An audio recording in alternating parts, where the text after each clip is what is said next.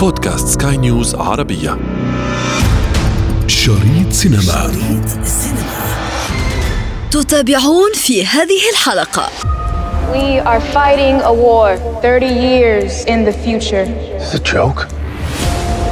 Our enemy is not human. We need you to fight. فعلا عم نشهد عودة حميدة وصحية رويدا ورويدا لعالم السينما خاصة أنه الوضع الصحي العام بما يخص جائحة كورونا هو يتقلص تدريجيا وبالتحديد في أحد أهم أسواق السينما العالمية شريط سينما Lights, camera, action.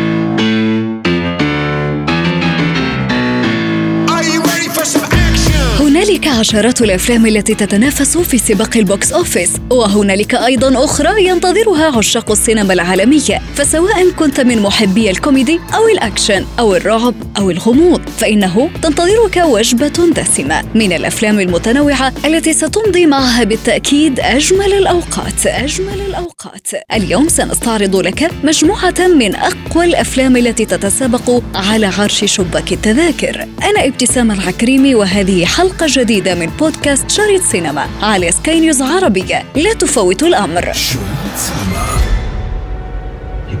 gift here. It's great power. Great responsibility.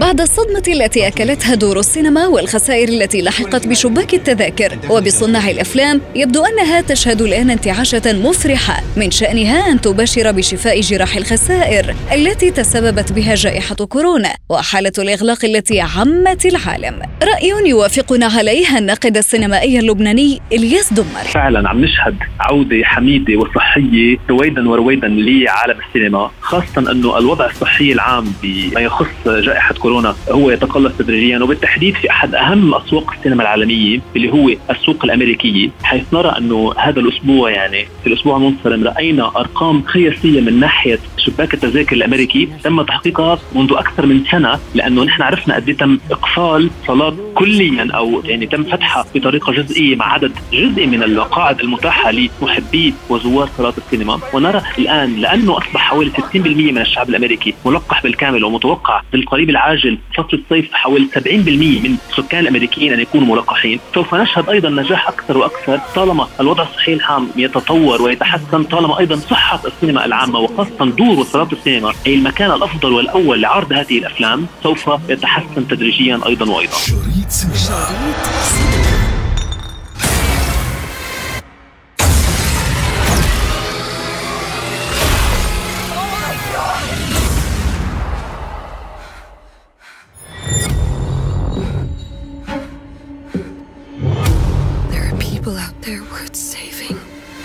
ومن أكثر الأفلام التي سمعنا ضجتها حول العالم فيلم الرعب الأمريكي A Quiet Place Part 2 تدور أحداثه في المنزل وتواجه من خلاله عائلة أبوت الآن أهوال العالم الخارجي. لقد أجبروا على المغامرة في المجهول ثم أدركوا أن المخلوقات التي تصطاد بالصوت ليست هي التهديدات الوحيدة. جزء هذا الفيلم حقق أرباحا هائلة ووصف من قبل النقاد بأنه الجزء الذي لاقى النجاح الأكبر. أنا منذ حوالي العشر سنوات تقريبا كنت أتكلم دائما في كل مداخلاتي وفي الدراسات اللي حققناها عن مرض سينمائي اسمه ال sequelitis الأجزاء اللاحقة والقليل كمان الأجزاء السابقة أو ال prequelitis منطلقين من كلمة sequel أو prequel لذلك كنا نرى فقط يعني هذه الأفلام يتم إنتاجها بغية تحقيق المزيد من الأموال وهذا الأمر حصل مع أحد أهم سلسلة أفلام سلسلة أفلام العراب بالرغم من نجاحها فنيا وأيضا يعني على شباك التذاكر ولكن هذا الأمر يعني فعلا يعني قليل ونادر كان حصوله في السابق. إلى حين أن تطور سنة بعد سنة وتداركت هوليوود وكل المنتجين والكتاب على أن ال sequels أو الأجزاء اللاحقة فعلا سوف تشهد فشل ذريع إن لم يتم فعلا التحضير لها بطريقة ماهرة وجد ناجحة مثل الأجزاء الأولى. ولذلك بدأنا نرى هذا التحول أيضا مع أفلام ال superheroes أو أفلام Marvel movies و DC Comics التي فعلا اتكت لها كبرى الشركات مثل ديزني على استقطاب هذه القاعدة الشعبية الجماهيرية لهذا النوع من الأفلام. ورأينا هلأ دليل على أن ال sequel أو الجزء اللاحق ممكن أن ينجح مع الجزء الثاني من سلسلة أفلام A Quiet Place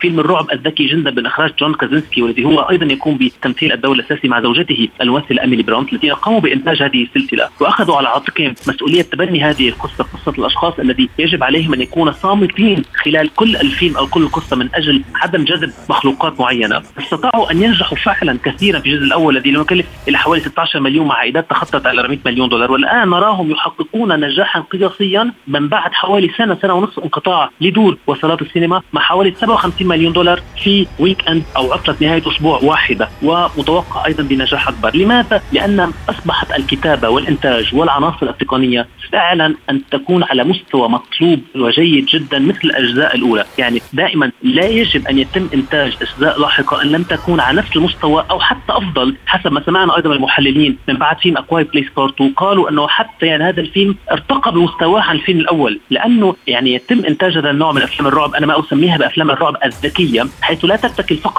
على المؤثرات البصرية أو السمعيه بالعكس تتكل على ذكاء تطور القصة. وكما يقول المعلم الأكبر معلم أفلام ال suspense والرعب ألفريد هيتشكوك يقول نجاح فيلم الرعب ليس في لحظة الرعب عينها not in the terror itself but in the anticipation of it. يعني في لحظة الترقب قبل ال bang أو قبل لحظة الرعب. يعني هون عم نشوف كتابة ذكية تجعل المشاهد يترقب ليس فقط قبل انطلاق الفيلم أو عرضه في الصالات ولكن خلال مشاهدته يبقى طول الفيلم متربصا في كرسيه لا يعلم من أين سوف يأتيه هذه لحظة الرعب ونعلم قد إيه مهمه هذه الأمور في أفلام التي تعتبر الانجح على شباك التذاكر إن كان أفلام الرعب أو أفلام من نوع نوع آخر يتكل عليها المنتجون وهي الأفلام الكوميدية شريط سينما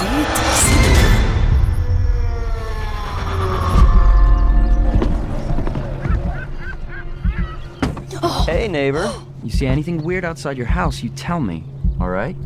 في سباق ال box office رأينا أيضا فيلم The Wretched يتقدم ويأتي في المرتبة الثانية بعد Quiet Place 2 جرعة ال super hero في هوليوود تتركز ويصل مذاقها إلى درجة مربكة خاصة مع وندر وومن وآيرون مان 2 هوليوود على طول في ترند يعني أو موجات رائدة تقطع فينا من زمن إلى زمن آخر في عالم السينما، وعندما بدأت هذه الموجة التي يعني كانت نوعا ما نائمة ل 20 30 سنة اللي هي أفلام ال super heroes من بعد ما رأينا في السابق كم فيلم لسوبرمان وباتمان، وأتى عالم Marvel Cinematic Universe ال MCU وانطلق بقوة من حوالي 10 سنين مع أحد أذكى الأفلام واللي هو فيلم ايرون مان مع روبرت داوني جونيور وتطور إلى أصبحنا بحوالي 23 24 فيلم اليوم، فعلا يعني عرفت ديزني من بعد ما هي تمت يعني استحوذت على هذا العالم، كيف تطلقه بطريقة ذكية جدا، نرجع بنقول من ناحية الكتابة ومن ناحية الإخراج من ناحية التمثيل حيث فعلا قامت بكاستنج جد رائع لهؤلاء الممثلين وأبقت عليهم بالرغم من كل الظروف الصعبة. الاحتفاظ بنفس طاقم الممثلين وأكيد دون شك يعني مع كل المؤثرات المبهرة إن كان يعني بصريا وسمعيا وغيرها. ولكن كانت هناك موجة في السابق اللي هي أفلام الكوارث وأفلام التي ترتكز على انتشار فيروس معين أو الجائحة. كانت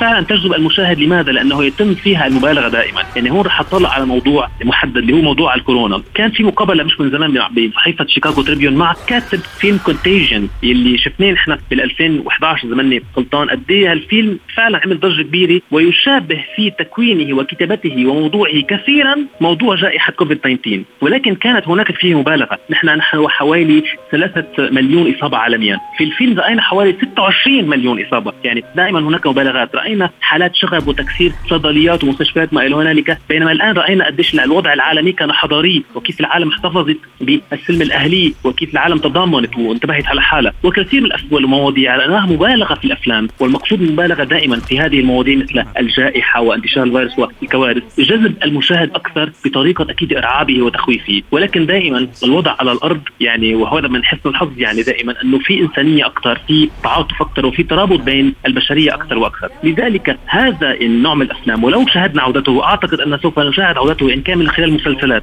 أو من خلال الأفلام سوف يكون التعامل معها ذكي أكثر. لماذا؟ لأن هلا المشاهد اختبرها؟ يعني لم نعد نضعه أمام فرضيات نضعه أمام وضع عاشه تقريبا عاشه واختبره على فترة طويلة جدا حوالي سنه سنة ونصف. لذلك أعتقد حتى خريطة إعادة كتابه هذه الافلام وانتشارها قد تغيرت جذريا شريط سينما Okay, none of you are my child. Has anyone seen Miri?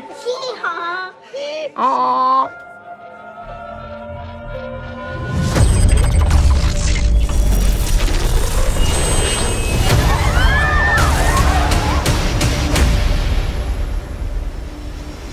تحليلات عديدة طرحت في موضوع الفئة الأكبر من الجمهور المتابعين لإنتاجات ال super hero والأفلام المرعبة ولكن على ما يبدو أن ذلك لا يعد إلا تماشيا مع ترند هوليوود وموجاته الرائجة. جمهور الشباب احد أكثر الفئات ترددا إلى الصالات. وحتى يعني فينا نقول كمان الشباب أصبحوا ناضجين أكثر أو متقدمين. كمان يجوا يحضروا هذه الأفلام نظرا يعني لضخامة إنتاجها والعناصر الجاذبة الموجودة فيها. لأنه كمان عم نرجع نقول انه الكتابة أصبحت يعني ارتقت إلى مستوى أذكى. ولم نعد نرى يعني كل الأحداث في هذه الفيلم مفتعلة. يعني أصبحنا نرى يعني حتى نهايات مغايرة. أصبحنا نرى مفاجآت لم نكن نتوقعها في عالم هذه الأفلام. ونرى كمان أنه يتم حياكة قصص ثانوية ضمن داخل القصص تفتح عوالم أخرى تستطيع هذه الشركات يعني استثمارها بطريقة ذكية، من هون شفنا يعني حتى شخصيات كمان بطولية نسائية من مثل وندر وومن أو بلاك ويدو كمان تجذب المزيد من المشاهدين. وبالتحديد أحد أهم فئة من المشاهدين يعني العنصر الأنثوي أو السيدات كمان صاروا عم يحسوا حالهم إنه هن ليسوا مستبعدين في هذه الأفلام وعم يكون دائما الأبطال أو البطل هو أساسي هو رجل أو مجموعة رجال، لا عم يكون كمان صار في مش بس تقاسم مع السيدات أو البطلات من الجنس اللطيف، عم يكونوا هن أبطال أفلام بحد ذاتهم وعم تكون معظم طاقم الأفلام إن كانوا ممثلين ومنتجين ومخرجين مثل فيلم وندر وومن كلهم من السيدات، لذلك طالما طريقة التعاطي مع هذا العالم تقدمية وذكية سوف نشهد يعني يمكن بعد حوالي 10 سنين الأداء إلى الأمام بعد انتشار لهذه الأفلام، طالما أن ديزني وكل هذه يعني الأشخاص اللي هن قيمين على إنتاج وعرض هذه الأفلام عم يضلوا يتعاملوا مع هذا الوضع بأكثر طريقة ذكية من أجل محاولة الاستمرار فيه إلى أكثر فترة ممكنة، يعني شفنا 10 سنوات عم تنجح أكثر فأكثر تدريجيا لحد ما وصلنا إلى فعلا يعني مع الأفنجرز إلى نجاح عالمي وإلى أرقام تقع في المرتبة الأولى إن كان في الولايات المتحدة الأمريكية أو في العالم وأعتقد يعني حسب تحليلي عندنا مينيموم بين الخمس إلى عشر سنوات أيضا إلى مزيد من النجاح والتقدم لهذه السلسلة. شريط There are countless planets throughout the universe.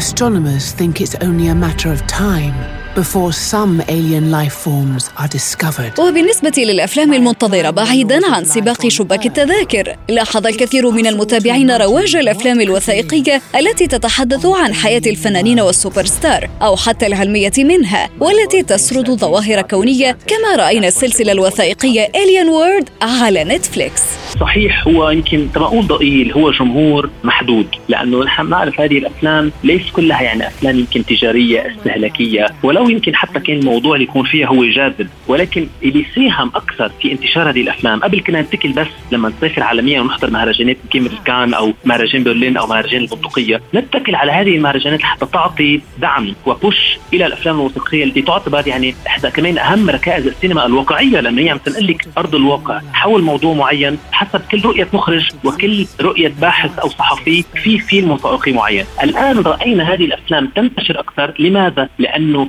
هذا أحد جوانب الإيجابية لمنصات البث التدفقيه أو البث الترفيهي مثل نتفلكس وغيرها التي كمان تروج لهذه الأفلام الوثائقية وتستخدم كمان أحد أهم الأفلام اللي بتكون رابحة أوسكارات أو رابحة عدد كبير من المحافل السينمائية العالمية جوائز وبتعرض عندها بالاضافه للافلام اللي هي تقوم بإنتاجها نتفلكس بحد ذاتها ومنصات بقيه مثل اتش بي أو ماكس أو حتى ديزني وغيرها. نرى أنه هذا نوع من الأفلام أخذ نوع من push ودعم جدا مهم من وراء يعني كمان هذه فترة السنة سنة ونصف الجائحة لأن العالم أصبحوا أمام شاشات التلفزة أو الهواتف واللوحات الذكية يرون أن هناك option أو فئة أخرى يستطيعون فعلا كمان تمضيه الوقت يعني المفيد فيها وهي أفلام وثائقية. لذلك لم نعد نحكي عن جمهور ضئيل ما زال هو أكيد جمهور محدود ولكن تطور ويزيد. وحتى عم نشوف العديد من هذه الأفلام كمان بوقت معين كانت بلشت تصدر بصالات السينما أكثر وأكثر. لذلك لم تعد فقط محصورة بالمهرجانات أو بجمهور معين يقصدها بمكان معين إن كان بالسينما لا نراها بالعكس هلأ. صار في عندها انتشار أكثر من وراء كمان فترة الجائحة يعني. بيقولوا مصائب قوما عند قوم فوائد وأنا أعتقد أن أفلام وثائقية استفادت ضمن فتره الجائحة وخاصة أنها سلطت الضوء أيضا على مواضيع كثير مهمة آنية وحالية مثل موضوع الجائحة أكثر من أي نوع فيلم آخر شريط سينما Every child has a fairy born just for. مزيج متعدد إذا من كافة الأذواق يجتمع ويوثث باقة الأفلام المتنافسة على تصدر العرش. وقبل الختام يهمنا كثيرا معرفة آراء النقاد حول هذا الموسم الحافل. العالم كانت متشوقة جدا انه تعود إلى صالات السينما. والدليل أنه حتى بفترة الجائحة ولما كان بعض الصالات مقفلة شفنا أهم دور عرض السينما عالميا إن كان مثل إي إم سي ولا ريجل ولا سينمارك واللي كانت عم تتكبد خسائر فادحة لأنها هي مقفلة بالكامل وهي بتتكل أكيد فقط على هذا المردود مردود من فتح الصالات وبيع البت البطاقات وبيع ال food and beverage أو المشروبات والمأكولات لأنه هذه تحقق لها أكثر رائعات، رايناها كانت تستثمر في فتح صالات جديدة أو تأهيل صالاتها القديمة، كلها مراهنة على عودة المشاهدين وعودتهم بشهية كبيرة، ولذلك شغله السينما ليست فقط اوبشن، ليست فقط هيك خيار نحضره، السينما هي ثقافة، فلا شيء يعوض أو يستطيع أن يكون بديل عن صالات السينما. انتظرونا أفلام جديدة في شريط سينما. شريط سينما. شريط سينما.